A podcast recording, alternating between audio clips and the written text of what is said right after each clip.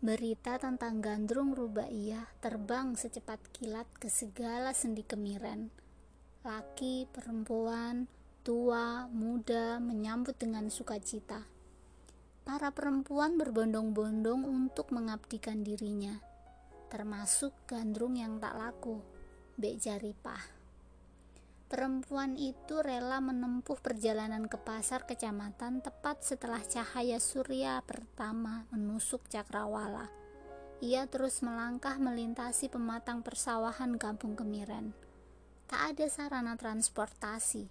Kampung itu memang terisolir.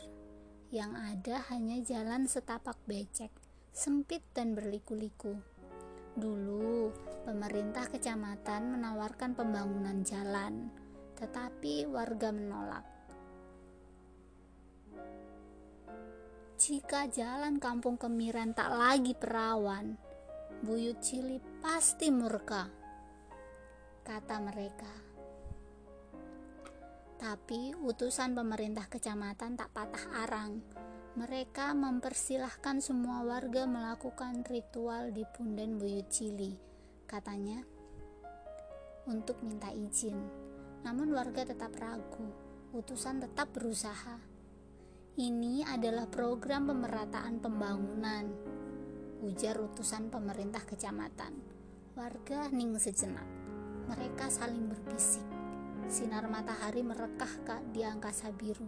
Warga telah mengambil kesepakatan. Mereka memberanikan diri untuk melakukan ritual. Hari yang ditentukan telah tiba. Sebelum bulan menjemput bumi, utusan pemerintah kecamatan dan warga Kemiren sudah berkumpul di rumah dukun kampung. Aroma menyan madu terus berbaur dengan japa mantra. Mereka bersiap diri. Yang laki-laki berbaju hitam-hitam dan berbalut udeng pada kepalanya, dan perempuan yang sedang tak menstruasi berjalan beriringan dengan pakaian jarit dan kebaya. Mereka melangkah menuju tanah keramat namun, baru beberapa depa angin berhembus dan menukik sangat kencang. Langkah-langkah itu terhenti. Gumam-gumam penuh kekhawatiran berhamburan bersama tumpahnya pecel pitik dan ubur rampenya yang disunggi para perempuan. Wajah gusar tampak menggurat pada dukun kemiren. Sebentar, sampean harap tenang, biar saya nyambung batin. Semua terdiam Asap menyan madu membumbung ke angkasa. Kepak-kepak burung simpang siur di udara. Dukun kampung membaca mantra. Tangannya mengambil kembang kantil, kembang melati dan kembang kenanga yang direndam pada semangkok air. Kembang telon itu ia makan satu persatu. Semua mulut terkatup, tak ada yang berani berbincang. Targetnya tidak hanya itu. Jika warga Kemiran sepakat dengan pembangunan jalan, maka bertumpuk uang memenuhi kantong celananya. Lehernya pun pasti terhiasi kalung puluhan gram. Putusan pemerintah kecamatan kembali teringat janji pengusaha dari Surabaya. Sudahlah, jika proyek itu bisa saya kerjakan, pasti ada dia khusus yang penting sampean bantu memuluskan kerjaan ini. Bibir utusan pemerintah kecamatan tersungging. Bagaimana? Apa kita lanjutkan ritual ke Buyut Cili? Kata utusan kecamatan. Dukun Kemiren saling bertatapan dengan warga. Dari rona pandangan dukun kampung itu, sepertinya masih ada gundah yang berkecamuk. Tak ada pembicaraan di antara mereka Ternyata kegundahan itu gagal. Semua warga menyepakati yang telah disampaikan utusan pemerintah kecamatan. Posisi dukun kemiran menjadi terdesak. Sebenarnya ia ingin membatalkan ritual itu, namun ia tidak memiliki pilihan lain kecuali meneruskan ritual itu. Mereka terus melangkah. Matahari mulai terbenam. Siluet berwarna keemasan tampak menganga di langit kemiren. Suara emprit yang berebut tempat tidur terdengar begitu gaduh. Sesekali suara jenggeret bersahutan dengan suara beluk. Suasana kemiren makin meredup. Warga kemiren terus beriringan di atas tanah-tanah becek. Aroma menyan madu kembali membaur angkasa. Setiap perjalanan, bibir dukun kampung terus melontarkan japa mantra. Tak ada suara-suara yang terlepas dari manusia-manusia itu. Iringan rombongan itu hanya disambut suara jangkrik dan katak. Senja makin pekat, iring-iringan warga kampung Kemiren sudah sampai di tanah keramat. Mereka menyibak tikar pandan usang yang mereka bawa. Semua warga duduk menghadap gubuk tua yang di dalamnya ada dua bongkah batu.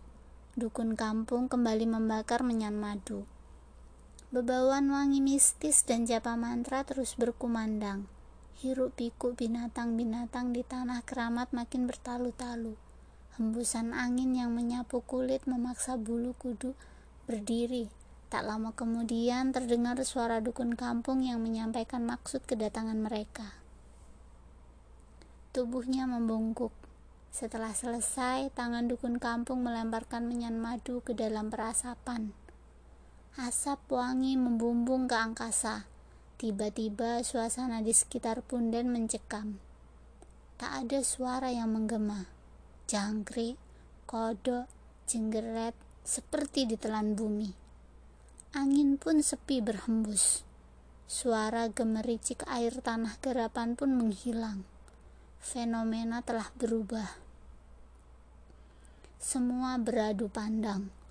Utusan pemerintah kecamatan dan warga Kemiren diselimuti rasa takut. Mereka menggeser pantat hingga berhimpitan. Beberapa mata tampak terpejam. Tak lama kemudian, sayup-sayup terdengar suara harimau mengaum. Bebauan wangi menyan madu dan kembang telon makin menggigilkan bulu kudu mereka jantung manusia-manusia itu makin berdetak hingga lepas dari tempatnya. Wajah-wajah gusar terlukir di antara gelapnya tanah keramat. Beberapa di antara mereka tampak bergandengan tangan. Ada yang hendak lari, ada yang menahan dengan gigil ketakutan. Auman harimau kembali terdengar, sangat dekat, namun tak berjasad. Suasana makin mencekam, Tiba-tiba bumi bergetar. Jasad-jasad ketakutan itu tak mampu menahan kegusarannya. Bumi yang bergetar semakin lama semakin kuat. Getaran itu bak ingin meluluh lantahkan tanah keramat. Jiwa-jiwa panik makin terasa. Beberapa dari mereka lari tunggang langgang. Yang tersisa tak lagi duduk bersimpuh. Semua tengkurap. Isak tangis perempuan kemiren makin menyayat. Sisa-sisa pecel pitik berhamburan ke mana-mana. Di saat suasana ritual menjadi kacau, auman harimau kembali terdengar keras dan bertalu-talu. Tiba-tiba, dukun kampung melolong sangat keras. Jasad tua yang tadi lemas penuh gusar. Tiba-tiba bangkit berkaca pinggang. Matanya terlihat merah memancar. Semua tertegun penuh was-was. Dukun kampung kesurupan. Tak ada yang tak pucat semua bergandengan tangan. Hanya kami tua yang bersimpuh di hadapan dukun kampung yang dikuasai kekuatan lain. Kami tua memahami jika yang menyusup di tubuh dukun kampung adalah leluhur kemiren. Setelah bersujud abdi kepada rajanya, dengan mulut bergetar kami tua meminta semua warga untuk tenang. Lambat laun, getar bumi makin menyusut dan hilang entah ke mana. Semua bersimpuh di hadapan jasad tua yang jiwanya telah dikuasai. Setelah melihat tingkah warga itu, tiba-tiba dukun kampung tertawa terkekeh-kekeh. Suaranya sangat berat namun berwibawa. Terdengar suara lantang.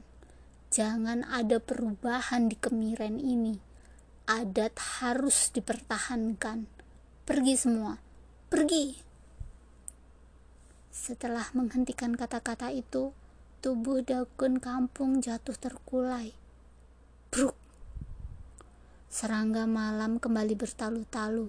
Gemericik air kembali tertangkap gendang telinga. Angin berdesir pun kembali mengibas-ngibas rambut-rambut perempuan kemiren. Alam kembali normal. Dukun kampung membuka mata. Warga memutari tubuh lemahnya. Dukun kampung bersuara lirih ada apa? Mendengar pertanyaan itu, kami tua tak langsung menjawabnya. Lelaki tua itu memilih untuk mendudukkan tubuh dukun kampung yang terkulai lemas. Sudahlah, Man. Buyut Cili telah memberikan jawabannya. Alangkah baiknya jika kita segera meninggalkan tanah keramat ini. Ujar kami tua sembari menghela nafas dari rongga hidungnya. Tak beberapa lama kemudian, semua berdiri dan berjalan beriringan dengan gontai.